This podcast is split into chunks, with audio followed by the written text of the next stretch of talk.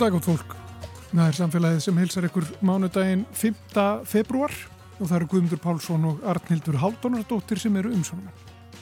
Já, við ætlum að byrja á því að fjalla um mislingana en á dögunum greindist Erlendur ferðamæður með þennan skeiðasjúkdóm. Hann var tiltúlega ný komin til landsins með flugi og fjöldi fólk sem að kann að hafa orðið útsett fyrir smiti og mislingar eru jú bráð smitandi.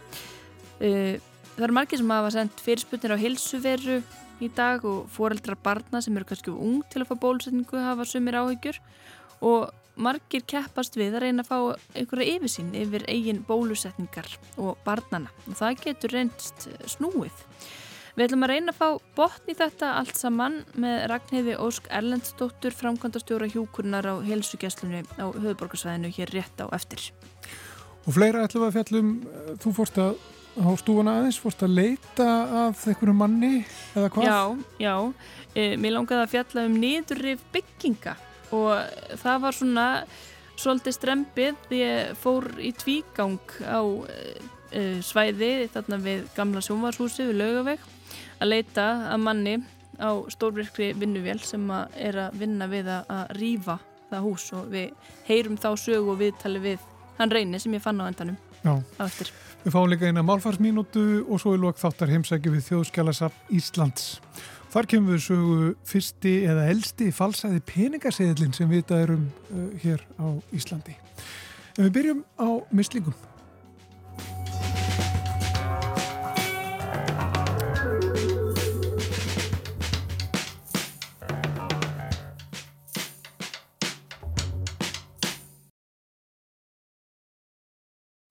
Og þá er hún kominingað Ragnhildur Ósk Erlendsdóttir, frangotastjóri hjúkurnar hjá helsugjastlunni og höfuborgarsæðinu. Velkomin til okkar í samfélagið, Ragnhildur. Takk. Eh, það er eh, svona ákveðin viðbúnaður það ekki hjá ykkur út af þessu smiti sem að grindist á dögunum? Jú, jú, við ferum nú alltaf í svona smá stellingar þegar verður smitt, sérstaklega mislingasmitt og aðri svona skæði sjúkdómar sem komu upp. Að þá svona viljum við svona bregðast við og, og hérna skoða svolítið vel, vel og vanlega hvort að það sé eitthvað sem við getum gert til að fyrirbyggja frekari vanda. Og það hefur verið talað um sko uh, bólusetningar áttak eða svona lítið bólusetningar áttak uh, til þess að, að svona skerpa á vörnum samfélagsins. Uh, hver, mælið með því að því nú er þetta ákveð svolítið stór hópur, fylg nokkur hundru mann sem að hafa hugsanlega orðið útsett, það eru farþegarnir sem voru með mannum í fluginu einhverju kannski á læknavaktinni og í þeim rýmum sem hann hefur verið. Mæliði með því að fólk sem að kann að hafa verið útsett og er ekki bólusett komið og þykki bólusetningar eða á það að halda sér til hljés Það er akkurat þessi hópur sem við kannski myndum vilja ná í, þeir sem hafa verið útsettir og þegar við tölum að vera útsettur að þá er það að vera í námynda við einhvern sem er smitaður af mislingum uh, að ná í þann hóp sem er þá óbólusettur að hann hefur þá þarna svona þryggja sólarhinga glukka til að fá bólusetningu án þess að sem að geta þá fyrirbyggt frekar í veikindi. Þannig að það er kannski það sem við viljum svona hvetja fólk til að vera vakandi fyrir að ef það er útsett fyrir mislingasmiti að þá er þessi þryggja sólarhingagluggi til að fá bóluset, bólusetningu ef að viðkomandi hefur ekki fengið bólusetningu áður. Já. Og við sjáum það kannski í aðeins gögnunum hjá okkur að, að það hefur aðeins dalað e, þáttakan í bólusetningum. E, ból, börn eru bólusett við e, mislingum við átjónumána aldur og svo fá þeir svona, eh, svona kallega búster eða svona, hérna, svona smá auka hérna, búst, e, tólvara Já. og þá eiga þau að vera full bólusett. Og sko þannig að þið hafði yngra ágjör af því að hóa saman fólki sem er nýlega útsett að það komi alltaf á heilsugjæsluna að þykja þessa bólusetningu þið, það er ekki smítætt af því Já þetta eru ekki það margir af því að flestir eru bólusettir og þannig að þetta eru, já, þetta er ekki margir. Það er síðan ákveðin hópur þarna eh, ef við tölum um börn sem að væri jafnvel yngri en þá átjámóna sem eru þá ekki búin að fá bólusetninguna. Þá getur við ekki bólusett börn sem eru 0 til 6 mánuða. Þau eru samt varin með að fá mótefni frá móður eftir fæðingu. Síðan erum við þá að færa okkur neðar alveg þá að bólusetja 6 mánada til 18 mánada, færa okkur neðar að bólusetja þau börn ef þau hafa verið útsett fyrir smiti. Þannig að börn sem hafa ekki verið útsett, þessi yngri börn, þau það þarf ekki að bólusetja þau eða er það hægt ef fóröldrar eru áhyggjufullir eða, eða reynið bara að sefa þær áhyggjur? Við reynum að sefa þær áhyggjur og bara halda bara þessu plani af því að ef að við erum að bólusetja þetta fyrr, 6 mánuða til 18 mánuða, þá þurfum við hvort við erum að bólusetja þau aftur 18 mánuða. Því þetta, þau eru það unga, þau ná ekki að halda mótefninu.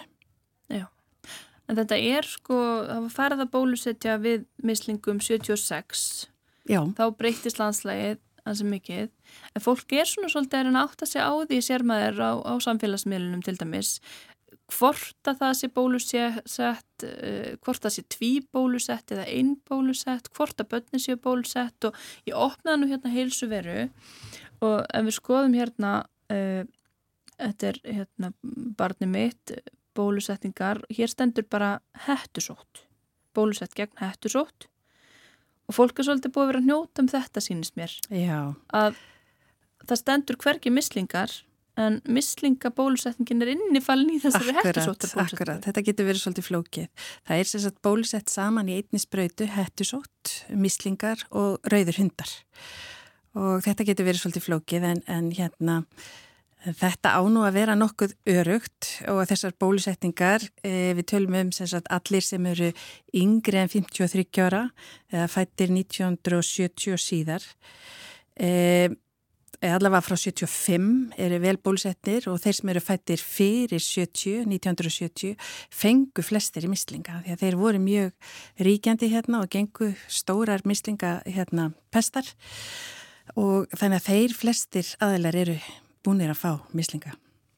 Þannig að það ætti ekki að vera neina glufur? Mm, ekki mikið, en auðvitað þeir sem hafa ekki kannski farið í bólusetningu. E, það, við hefum líka bent á, stundum við gott ráða að spyrja fóreldra sína hvort að við að sé bólusettir fyrir að því að yfirleitt vita fóreldrar það, þó að maður sé ánum fullorðin að þá ámaður samt oft fóreldra sem geta svarað. Mm. En, en eh, sko fólk sem að hefur fengið bólusetningu segjum 1970 og 6, 7, 8 ætti það að fá einmitt þetta búst sem við talaðum, ætti það að láta bæta á, á bóluhefnið? Það væri þá ekki nefnir svona sérstökun tilfellum það er kannski talað um svona mjög náinn samneiti við smitaðan einstakling og þá getur þú svona fyrirbyggt að, að veikinda því að réttilega þó sést búin að bólusetja því að þá hérna getur þú síkst en síkingin verður þá samt alltaf vægari Mm. Þannig að það er svona, það er ákveðin tilfelli þá sem, en þá er alltaf látið vita og það er þá ákveðin eitthvað svona ringur í kringum þann sem er smitaður. Þannig að fólk þarf ekki að hafa áhyggjur af því nema að verði látið vita. Mm -hmm.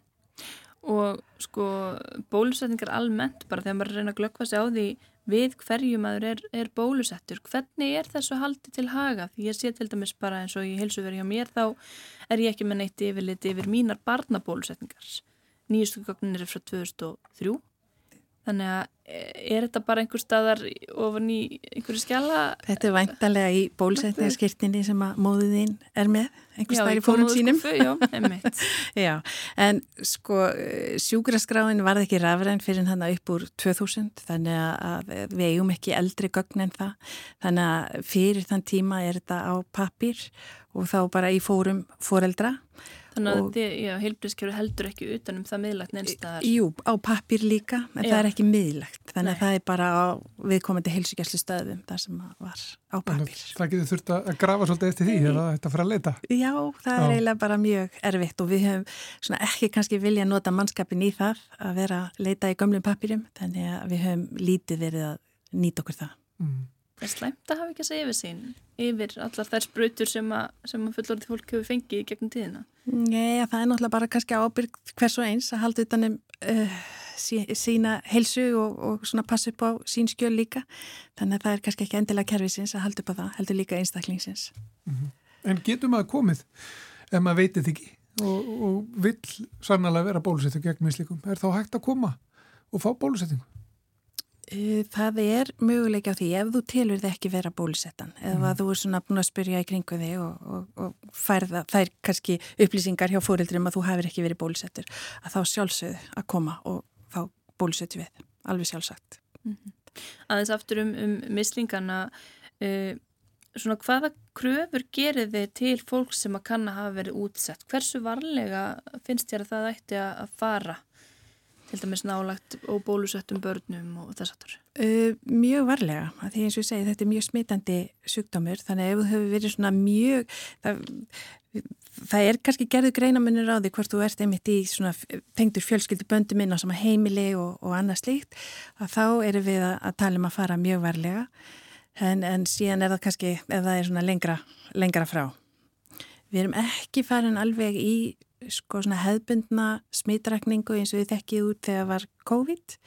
Það er ekki svona tilöfni til þess en þá, það er ennþá bara þetta eina smitt. En við erum svona svolítið að, að bara fylgjast með og, og vera svolítið í starthólunum þá með það. Einmitt og sko það hefur verið rætt um þetta hjarð ónæmi og það þáttaka í bólusetningum hefur farið mingandi ekki bara hér heldur alls þar í Evrópu, það er kannski einhver já, Guðrún Aspelund talað um uh, þreitu eða tregðu og við þekkjum söguna kannski mörg með, með Andrew Wakefield breska læknin sem að byrti hérna falsvísindi í landsett um, um tengingu við mm -hmm. uh, millir bólusetninga MMR bólusetningarinnar og, og einhverfu þetta svona sáði einhverjum fræjum óta Já, það er ótrúlegt hvað svo saga hefur verið svona lífseg og hefur valdið okkur bara, já, nokkur vandræðum. Uh, en ég held nú svona í síðari ára að það sé nú búið að marg tikka það honni í allt og alla að, að þetta var falsfrétt og, og falsuðgögn Þannig að það er svona vonandi að baki en, en hefur alltaf áhrif. Er það það sem að hefur áhrif eða gæti þetta verið einhver sko, eh, einhver hérna eh, vandi með, með talninguna að halda gögnum saman? Eh, er, er við vissum að þetta sé komið þarna niður í 90% hlutvallir sem læti bólusetja börnin? Það væri gott að hafa aðeins betri gögn og betra yfirlit. E, við sjáum það líka bara með fjölgun sko, erlendra sko, íbúa sem eru kannski að koma og fara og koma og fara miklu meira heldur en hér áður fyrr að þá er erfiðar að halda utanum þessi gögn. Af því að við reynum alveg talsvert mikið að leggja okkur eftir því að elda fólk uppi og bjóða bólusetningar og stundum bara náum við ekki í í fólk, þannig að þá vitum við ekki hvort það sé á landinu ennþá eða, eða hver það er. Já, hvort að bólusetningi sé skráð þá bara öðru landi eða... Já, mm. en við sjáum líka sko að þessi mislingafaraldur er búin að vera í Evrópu núna síðust ár. Dat náttúrulega svolítið niður í, í COVID en er núna svolítið að rjúka upp aftur. Þannig að það er alveg full ástæða til að vera á varbilki og, og bólusetja börnin vel þegar þau eiga að bólusetjast við átjámanað aldur. Verðið þið vörð við þetta bara í ungbarnavendinni að fóreldrar séu tvístigandi og, og séu að spyrja spurninga og, og jafnvel að aftakka bólusetningarnar? Alls ekki mikið. Það flestir eru bara mjög þakkláttir fyrir bólusetningar og það hefur nú verið alveg sérstakt á Íslandi hvað sko fóreldrar eru jákvæðir við bólusetningum. Þannig það er alls ekki hérna svona eh, lenskan að, að vera að hafna bólusetningum. Það er frekar fáir sem gera Já. það. En ef fólk er ykkur um vafa og fólk vil fá upplýsingar þá getur það haft samband við ykkur eða hvað? Já og sérstaklega og ef það er í vafa með börni sín og eins og segir og finnur ekki sitt e, bólusettingabanna inn á mínum síðum á hilsuveru að þá er hægt að hafa samband við til dæmis netspjallið á hilsuveru og við getum í gegnum rafræðan skilriki þá getum við flett upp við komið til banni og skoðað nánar í sjúkraskrána hvort það sé ekki öruglega komið með þessa bólusetningu. Þannig að það er alveg sjálfsagt. Og það eru svona þó, þó nokkru sem hafa haft samband í dag eða ekki, kannski Jú. að þessu auki ála út af þessu, þessu smiti. Jú, og hægt að segja það, töluvert verið haft samband og, og fólk líka bara eðlilega er áhyggjufullt en eins og ég segi, við erum bara svolítið að halda þessu plani að, að þeir sem, engungu þeir sem eru óbólusettir að hérna og eru útsettir fyrir smiti að, að þeir eru þá í forgangi að, að bólusetja þá. Og ef að fólk hefur áhyggjur af því að, að það sé með mislinga, er með útbrót eða einhver enginni sem að getur tengst þess að hafa mögulega verið útsett, eiga þau að koma á hilskjölduna? Nei, þá ringja ég okkur og hafa samband og, og við hérna, ráðum ráðum okkar þannig. Ekki að, að fara út og, og ekki að koma á, inn á heilbriðstofnanir. Það er ekki, ekki gott, heldur ringja.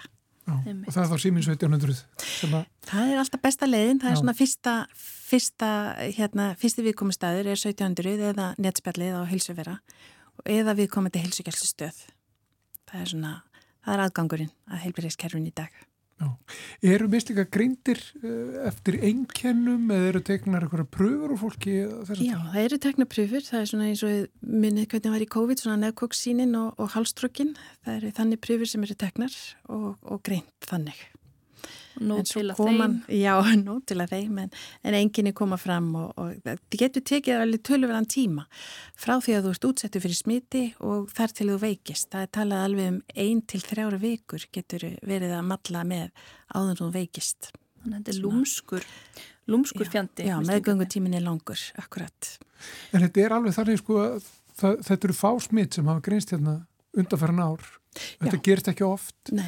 Það er samt tilefni til þess þegar eitt smitt greinist að, að svona grípa til aðgerða og, og, og bregðast við. Já, af því að við teljum þetta að vera bara tölverst alvarlega síkingu og eins og segi sérstaklega fyrir börn að, að þá viljum við hafa allan varan á. Hver er dánatíðnin af völdum mislinga?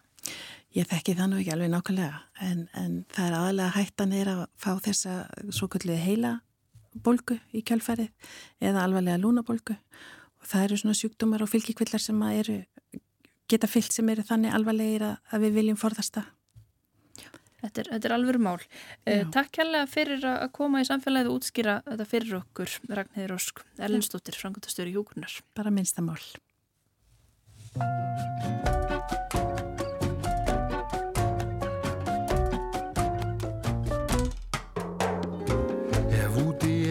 Ruslitt og slapp Slæmar fréttir einn tónt hvað Ef tilveran er taut og þas Og tænt er sérber til luglas Já, ef kvíðinn fer á stjá Og grækir í þig stóru tá Glestu ekki á vegg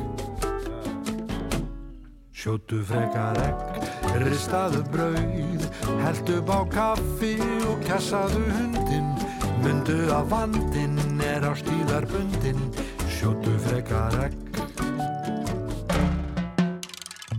Ef mjöðminn jamt sem minnið fer og manni jann í dvala er.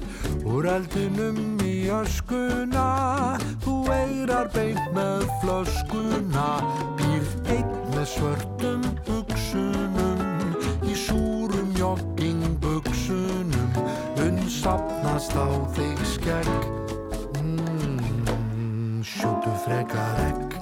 ristaðu brauð.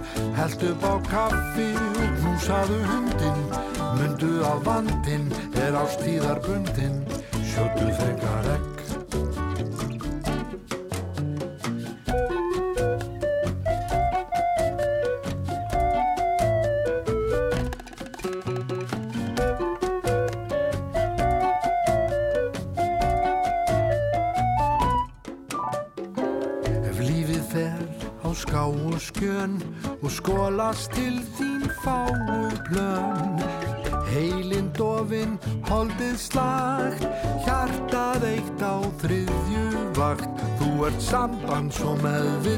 meðvitundar laus Og sangina dregur upp fyrir haus Og sendir frá þér negg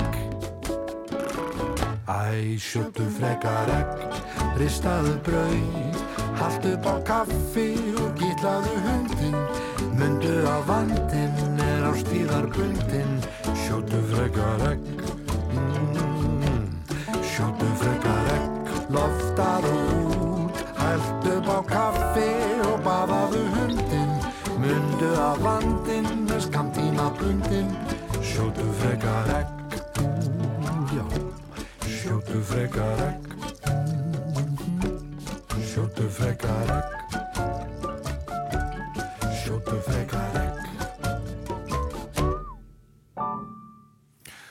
Bókumilfond og greiningardeildin, þetta er greiningardeildin sem er nú oftast kent við hljómskálan, þá ágætu sjómanstætti um íslenska tónlist og það er von á uh, að mér skilst uh, nýri serju frá þeim. En Arnildur, þú fórst aðeins á stúuna? Já, við hefum ekki bara heyra, heyra þetta æfintýri með niður í húsa. Ég stend hérna við gamla sjónvarshúsið. Þetta er laugavegur 176. Verið er að versna allverulega, búið að spá stormi og ég sé að verkamennir eru hérna að koma sér í skjól áður hann skellur á hörku. Þetta hús á að rýfa og það er bara að blasi við manni þegar maður horfir á það. Svo er svona renna, búið að setja, búið að negla fyrir gluggan og setja svona rennu þar sem maður vænta að lága að henda innvolsinu úr húsinu niður. En þeir eru alltaf greinlega eitthvað hérna, kallinir frá borg að halda áfram samt og Fyrst að veðrið er ekki alveg skollið á. En ég ætla að leita hérna upp í mann sem að heitir Reynir og vinnur hjá Appeltæki. En það er fyrirtæki sem sérhæfi sig í því að rýfa niður hús. Og ég get nú ekki sagt bynda, ég sé búin að mæla mér mót við Reyni því ég er bara búin að tala við uh, fránkvæmtastjóra Appeltæks og hann sagði mér að mæta bara.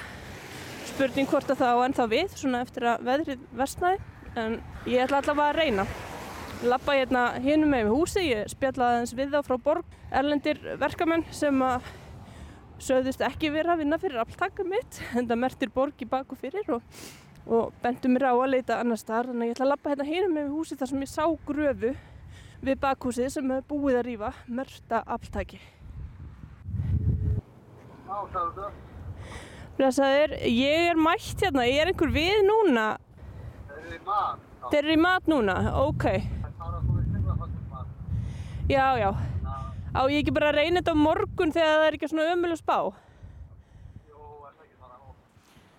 Já, já, það er næsti dagur runn upp og ég er aftur komin yngað að gamla sjónvarshúsinu.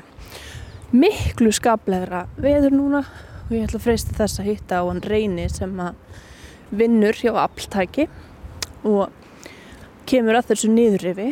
Ég sé að það eru, það eru þrjár þrjár vinnuvílur hérna núna og einn þeirra með ljósum og eitthvað í gangi. En þetta er allt girt af þannig ég kemst ekki inn á svæði þannig ég kannski reynir nú bara að ringja aftur í hann. Andrés.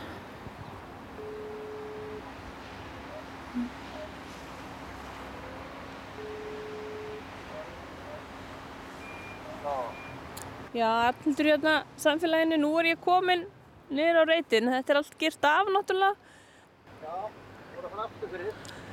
Já, ég, já, ég er í rauninni þar sko. Ég get, sem, ég get farið inn fyrir gerðingun og lappa þarna upp á svæði þar sem að, sem að vinnuvílarnar ykkar eru. Já, ég, ég fer inn fyrir reportið og veifa.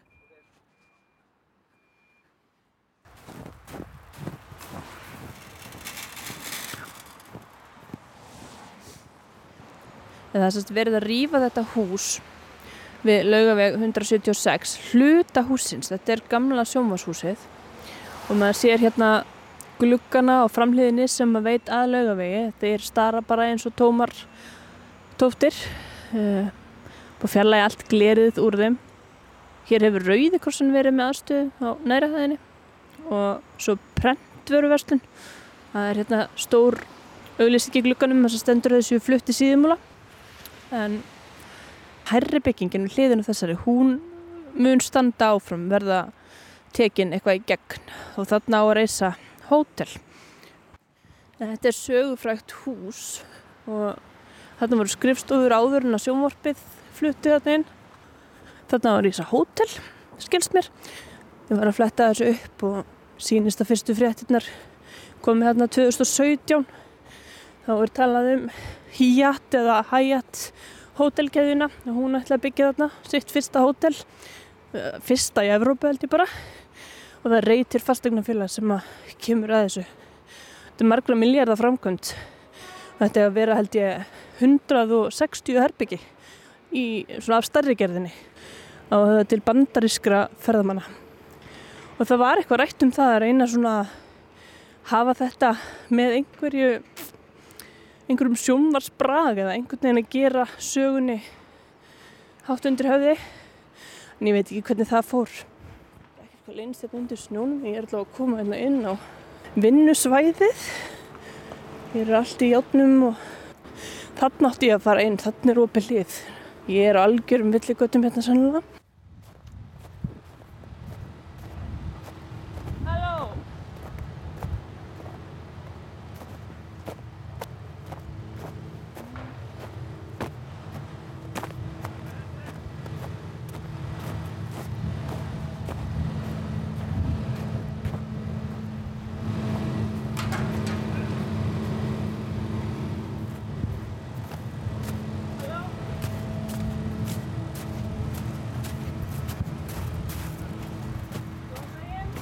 Þú ert ekki reynir í það? Nei, Er hann hérna á svæðinu? veistu það? ég þekki það bara, ég er bara aðkomið, kall hérna.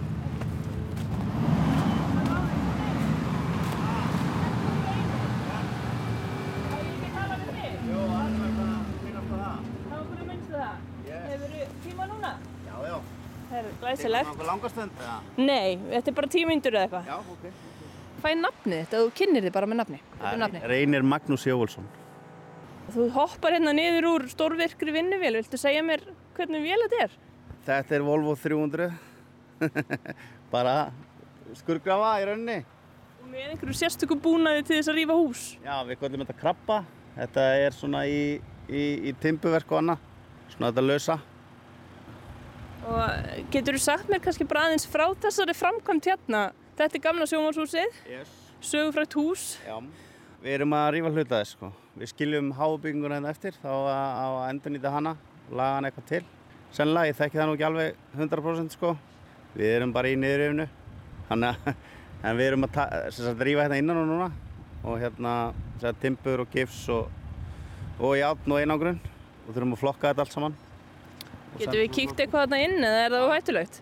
Það er allt í góðu lagi sko. Það er lægir. Ég er svona spýtnabrak og... Já, Já, þið eru svo sem ekkert eitthvað að leggja þetta eitthvað styrtilega frá okkur. Þetta er alltaf að fara í förgun eða ekki? Jó, þetta fyrir allt í förgun en ég er að, þú veist, uh, í rauninni rífið til sundur hérna úti með stórvilni og flokka þetta fyrir, Já, ok. fyrir nokkuna sko Já. og þannig að það er, hérna, já, Þetta er töluvert mikið timbur, svo steinul, svo er hérna reynda bara eitthvað af hann- hérna pappírshaldari. allra handa dót sko, bara það sem er skilið eftir í húsunum það er eiginlega rauninni sjá við um að farga sko, flokka og farga, það er svona, duglegt að hreinsa út verðmæti áður en að þið komið með krabbana á, á svæði? það er oft sko, en það er ekki alltaf, er sko, oftast er, er tekið það sem er nýtalegt sko og reynda að endurselja eða þú veist, einhverjir vinnur og kunningar sem fá að heyra það sko. En það er, þú veist, þetta er náttúrulega það mikið magna af alls konar dóti sem við erum að taka út sko. Þannig að það er kannski erfitt að endurnýta það allt, þú veist. Og ef það er eitthvað skemmt eða eitthvað slíkt og þá yfirleitt fer það bara í förgun sko. En eins og svona innkesslu hurðir og annað, þú veist, þetta fer mikið af þessu í endursölu. Og þú veist, ef það er í lagi með það sko. En þetta er mikið, oft mikið skemmt sko. Þannig að þetta fer mest í, mest í förgun sko. Loftræsti kerfi Þau og... eru stundum hýrst sko, ef það er hægt að, hægt að endurnýta það, eitthvað getur notað það, sko, þá eru þau hýrst bara tekið niður, þá þarf fólk að koma sjálft í rauninni áður en við byrjum og rífa það niður.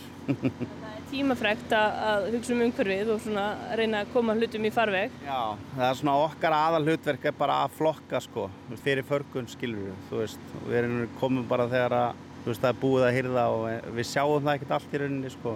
Hvernig er það að vera einmitt á þessari svakalegu vél og vera með einhver svona snifsi í klunni að flokka þau hérna, þetta er pappir, eða þetta er, þetta er timbur, þetta er gifs. Já, við svona grófflokkun náttúrulega með vélunum sko og þú veist ef þetta er tildulega hreint efni þá er það auðvelt sko. En ef það er mikið af svona mulling og dóti og, og þú veist svona litlum bútum og þá þurfum við að handflokka það eins líka sko.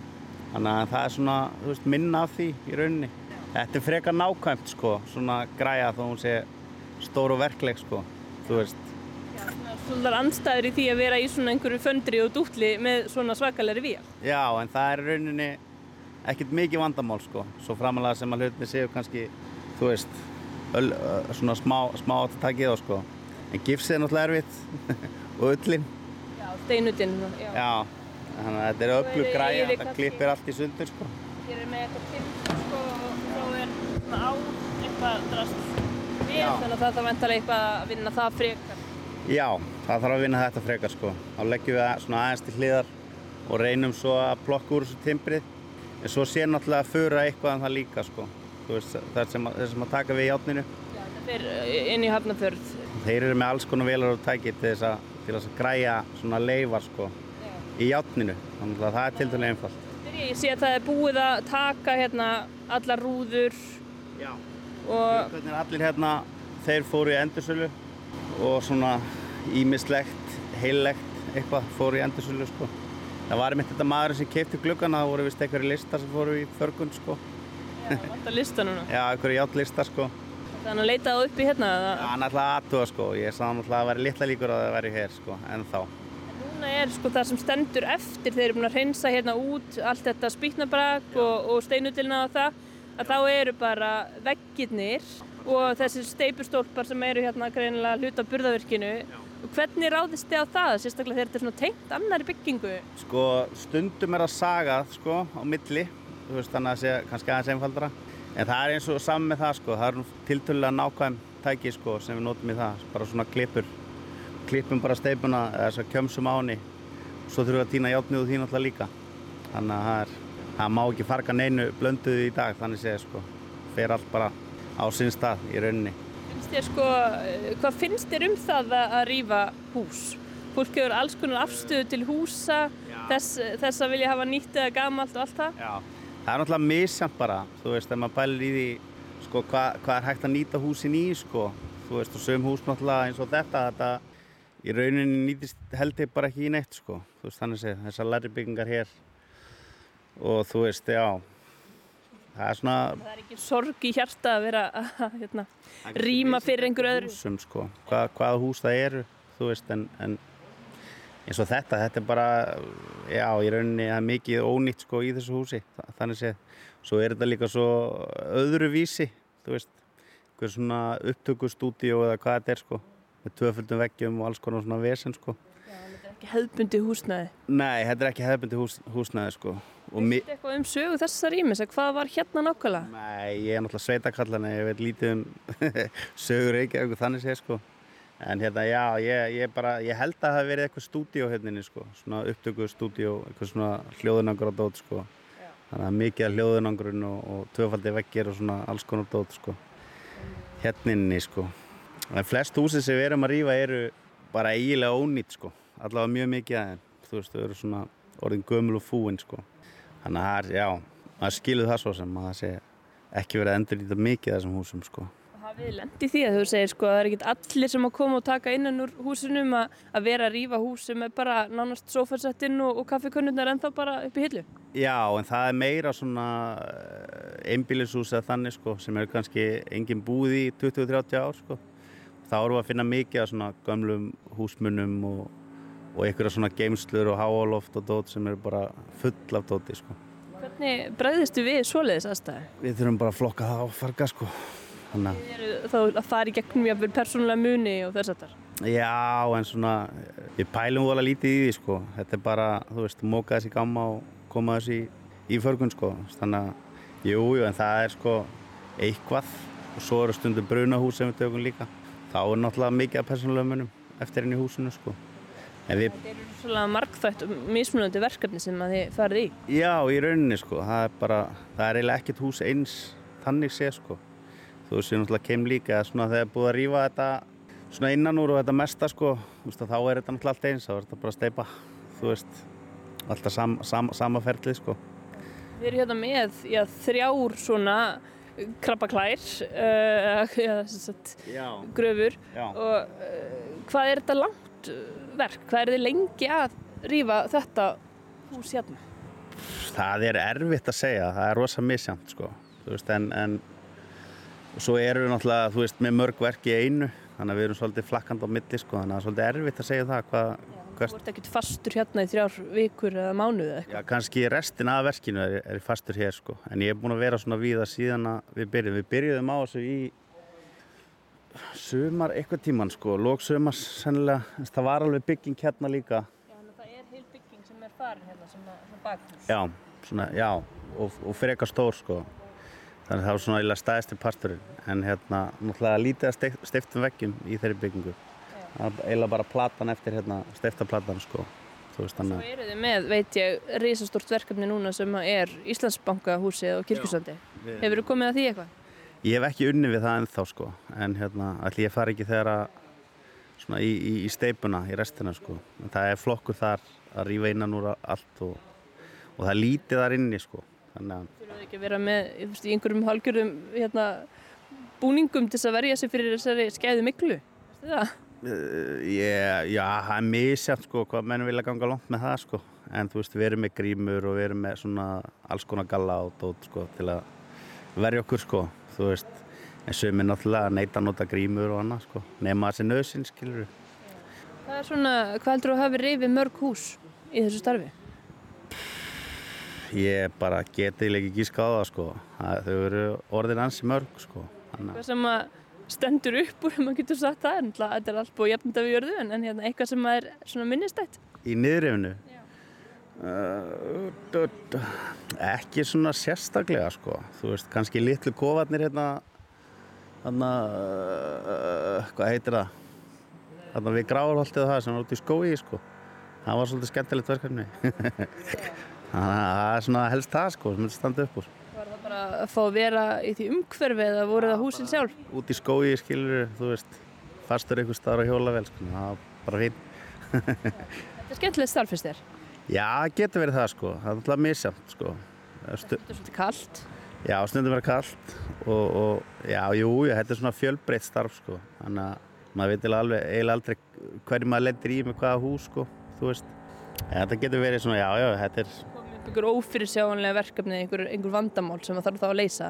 Já, það er eiginlega í flestum verkefnum sko. Hvað þá? Og þú veist, kannski djúpi sökla til dæmis og hérna og það er aldrei neitt svona 100% eins og var reiknað með að væri sko. þannig að það er alltaf það er alltaf eitthvað breytur sko veist, alltaf eitthvað sem breytist Lendi því til dæmis að finna asbest og þess aftar? Já, það hefur komið fyrir náttúrulega og þá þarf að stoppa allt og og í, það þarf að fara í ferli skilur, og stundum þarf að loka í smá stund sko, áður en það er hægt að vinna og svona alls konar vesen sko. En það eru, þú veist í rauninni sérstakki starfspressi farið það sem eru búin að fara á svona asbest námski eða eitthvað. Ég hef ekki gert það ennþá sko. Ég hef það aðalega vilamæður þannig að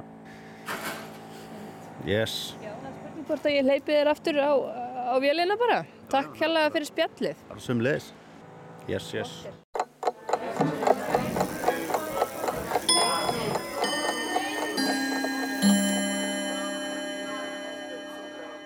Þegar notuð eru blótsýrði kallast það að blóta, bölva og ragna eða formæla.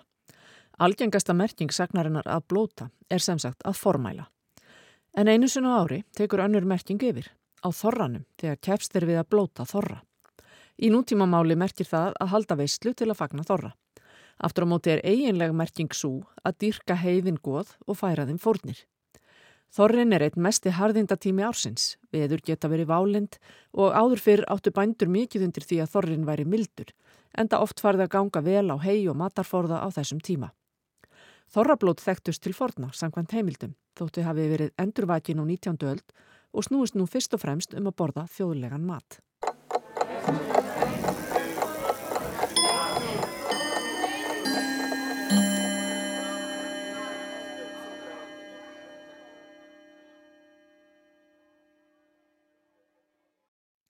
Ég er komin á þjóðskjálasafni Íslands og er hérna inn í fundarherbyggi þar sem er búið að rafa upp skjölum, allskins uh, pappirum og þar á meðal er peningasill sem að, um, já, var, var mjög svona uh, afdreifaríkur og skipti mjög miklu máli í, í því samingi sem við ætlum að að fjallum hér og hér hjá mér er Sigriður Hjördís Jörgstóttir, skjálaförður hér á Þjóðskjálasafni Íslands.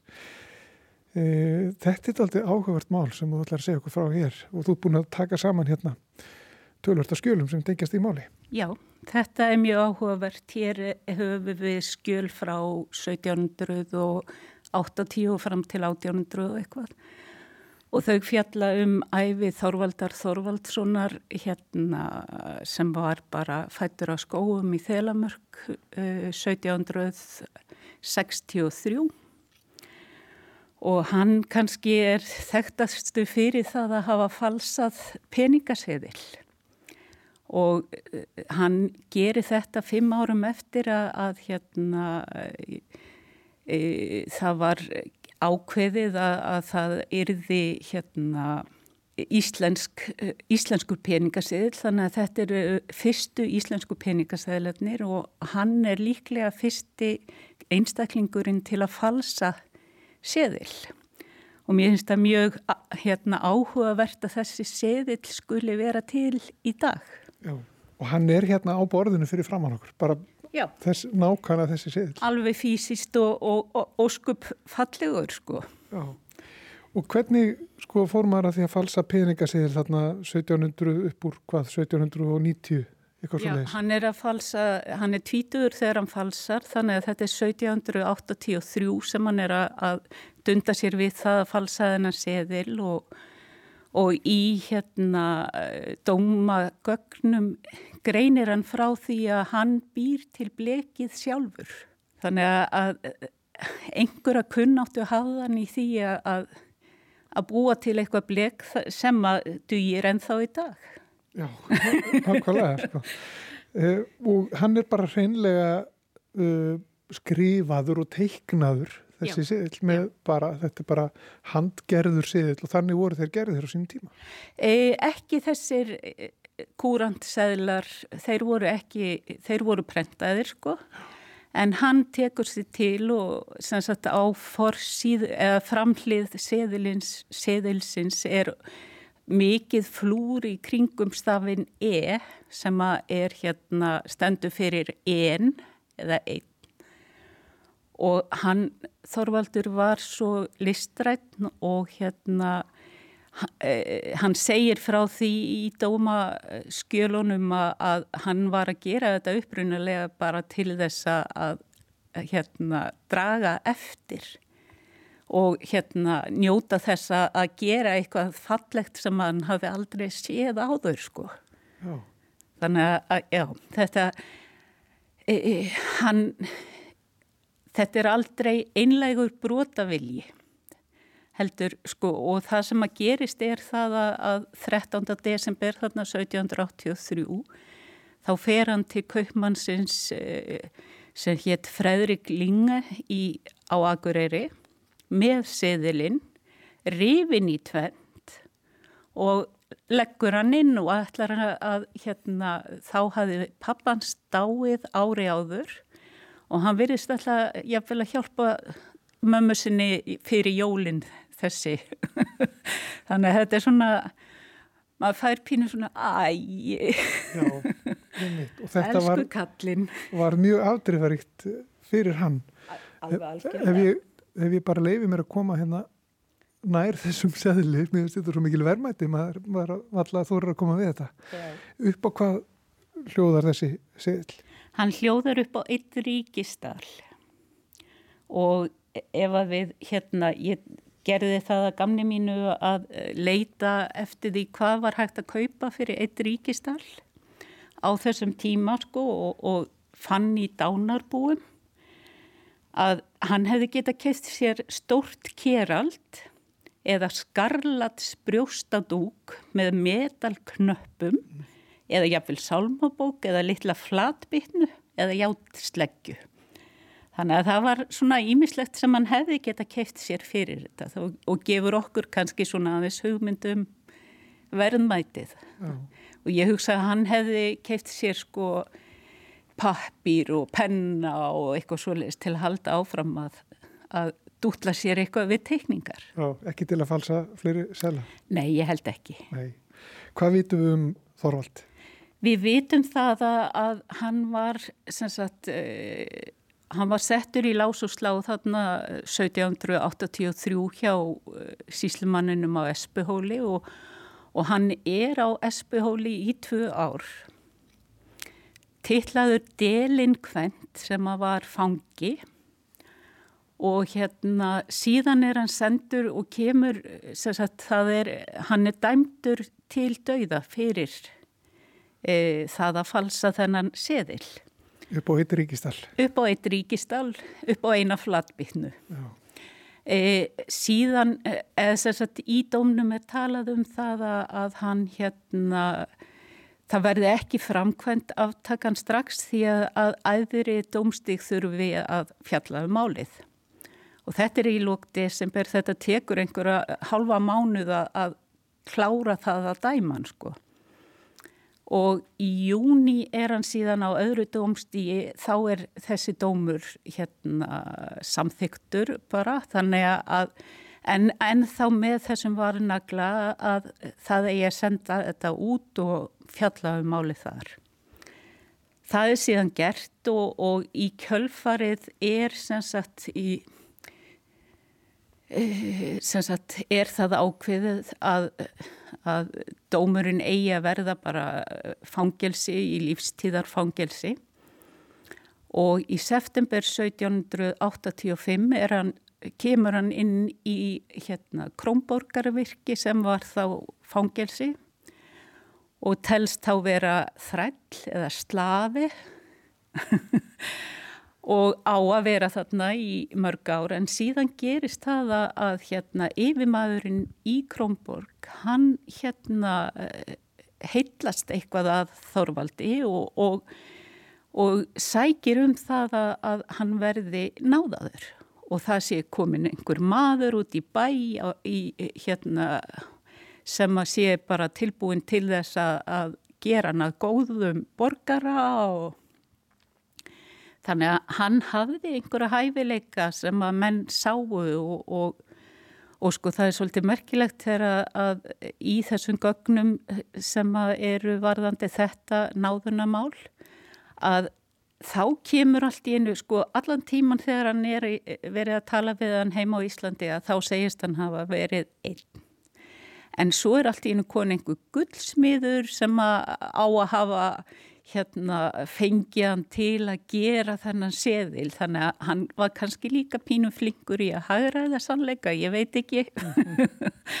en allavega hann er ekki í fangilsinu nema tæp fjögur ár og síðan gerist það að, að hann er í kaupmannahöfn og þar giftist hann og egnast eitt són. Síðan deyr konan hans og hérna hann kemur heim árið 1808 og þá er hann skráður til heimilis á möðruvöllum hjá ammanninum sem að hafi dæmt hann á dómstíi 2. Og þar er hann tillaður hérna teiknari og hérna smiður og sagt að hann sé hérna kunni að lesa vel og, og svona hann fær rosalega fallegar hérna, falleg ummæli í kirkjubókum þessi fimm ár sem hann er þarna. Mm. Svo erum við þá komin þarna um miðja hvort það var 1815 sem hann giftist hérna ekki inn í eigafyrði og hún átti fjögur börna minnstakosti sem voru þarna á heimilinu. Og þau síðan egnast eitt són sem að deyr tæplega halvu ári síðar. Og þau búa saman þarna á þessum bæ í einhver fimm ár. Og þá verðist eitthvað gerast sem að, ég veit ekki hvað er en, en allavega þá skiljast þau að en eru áfram söggift Hann er þá komin í húsmennsku og hún er orðin vinnukonna bara út á e, starri árskosandi. E, síðan er hann þarna í einhver tvö ár í þessari húsmennsku. Svo er það í ágúst 1825 að það kemur maður inn í húsið þar sem hann er sá hétt Vigfús Tórarensen og hann tekur sér til og tekur upp nýf og stingur Þorvald í hjartað og hann bara hreinu niður og, og deyr þar. Og þessi hérna, Vigfús að hann var, eh, hafði þá í nokkur ár eh, hérna, verið að berjast við þunglindi og, og kvíða og og svona tala um melankólíu og ímislegt sem að, og var bara stundu þurft að binda niður því að hann var svo erfiður sko. Mm -hmm. Og lýsingarnar í dómónum í kringu það eru á þá leið sko að þetta gerist á sunnudegi, á laugadeginum er, eru menna á eftir hérna vikfúsi og, og er að eldan þarna út um allt hjá Akureyri upp í Hamra og, og eitthvað inn í Eyjafjörðu og eitthvað svo leiðis og hann vildi ekkert koma heim og eitthvað svona þannig að já þetta örl, eh, örlögin enduðu svona dramatískan hátt hjá honum sko.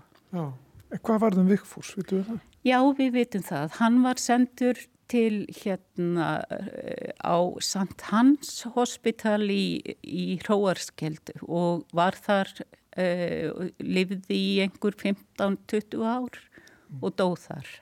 Já. Þetta er mikil saga. Þetta er alveg rosalega mikil saga og, og hefur verið, sko Björn T.H. Björnsson skrifaði bókina Falsarinn mm. Sem að fjallar um, lauslega um æfi Þorvaldar og, og æfi afkomenda því að, að það er svolítið merkilegt að þessi sonur hans út í kaupmanna, hann var bóksali og hann átti að minnstakosti tvö börn og annar þeirra var... E, nokkuð þekktur landslagsmálari í Kaupmannhöfn þannig að til lok 19. aldarinnar þannig að þessi teikni gáfa helt áfram sko og, og, og svo það er líka áhugavert að á hérna uh, það er til á sapni út í Kaupmannahöfn málverk eftir Þorvald þar sem að er sko, það er, uh, málverki heitir Íslenski bóndin og sonur hans. já, þannig að, já. Og þessi saga er varðitt hér í já, rauninni í Þjóðskjálasafni Íslands, ein af mörgum. Ein af alveg óteljandi mörgum skrítnum og skemmtilegum og alls konar sögum sem, að, sem að er svo gott að varðveita. Já, og hérna fyrir framann okkur er, hefur þú búin að taka saman svolítið af skjölum þar sem er farið svona já, í rauninni er þetta að lesa sig í gegnum já, málið já. Og, og, og uh, svona raða saman þessari sögu. Já, sem að ég hef verið að gera fyrir þetta viðtala að svona reyna átta mig á og, og einmitt þetta sem ég sagði sko að eins og Björn T.H. hann byggir lauslega á og verist ekki hafa haft þessi skjöl sko eins og hann talar um kuta en það er kannski stílbrað að svona gera svona meira djúsi sögu, þetta var bara lítill vasarnýfur sem að, að var þorvaldi að bana sko. Já. þannig að þetta er svona en þessi skjöl eru svona annars vegar er þetta pakki með hérna upplýsingum um þegar það er búið að dæman og, og það er svona verið að ræða eins og maðurinn á Íslandi að hann, hún finnst þetta harðudómur og leggur eh, svona til að það verði skoða sérstaklega og, og það eru hérna skjöl frá bankanum sem að sem að votta það að, að hérna, þessi seðil sé falskur. Og það sem er líka í sambandi við þetta sko að seðilinn aftan á seðil, seðilinum að þar kemur fram sko að sá sem að komi með seðilina að hann fái hvort að voru þúsund ríkistali fyrir. Þannig að kaupmaðurinn, hann sækist eftir því að fá velunin yeah. og það, það, brefið hans er hérna sko. Einmitt. Einmitt. Já, já, já. Þannig að vermaðamatið getur skekst ansirækilega. Já, einmitt. En sko að því að hann teiknar þennan seðil Já. og við sjáum hérna að þú ert með líka eintak af sambærilegum seðli. Já, sem sagt eins og orginal seðli, Já. sko. Já, og þetta er mjög vel gert hjá hann. hann alveg afskaplega. Mikið listamæður. Já, alveg. Það sem að gerist hjá hann, sko, í dómsmálinu er hérna í raun og veru sko þeir, eh, menn segja að þetta er nú léleg fölsun hjá honum og hann, hann hérna klikkar á að gera þetta og þetta er vittlaust og eitthvað svo leiðist. Framan á er seðillin nákvæmlega eins og orginalið. Mm -hmm. En aftan á þess að þegar að hérna seðlarnir voru gerðir líka íslenskir að þá var settur texti aftan á og hann segir að, að þessi seðil gildi á Íslandi líka og, og, og síðan er svona neðanmálsteksti sem segir eitthvað að þá, þá leiða að hver sá sem falsi þennan seðil muni vera dæmdur til lífláts og æran verði tekin af honum og líka allt sem hann átti. Og þeir lenda í pínu vandraðin því að, að Þorvaldur var tvítugur og átti ekki hérna nokkur eiri sko. Þannig að það kemur fram í domskjölunum að, að þeir eru alveg hérna en það er samt ekkert takt að dæma af honum. Þannig að kongurum fær ekki neitt út úr því að dæma. Þannig að þetta er svona, já, já. En kaupmærum kannski fengið eitthvað fyrir sín snúð? Já, það verið, hann allavega sækist eftir því að fá þessa, já, það eru þúsund ríkistalir. Já. Mitt, já. Eru til fleiri falsæðir seglar, svo vita sé, e... svona, svona gamlir? Ekki, ekki, sko ég Ég vil segja sem svona með sagfræðilegum varnaklaða þetta sé mögulega fyrsti falsaði íslenski peningaseðilinn. Mm -hmm. Ég held ég geti sagt það. Já. Þetta eru fimm ár sem að, þetta er allavega uh, fyrsti varðveitti falsaði peningaseðil Íslands. Eða ekki að segja það? Jú, en eru þeir fleiri?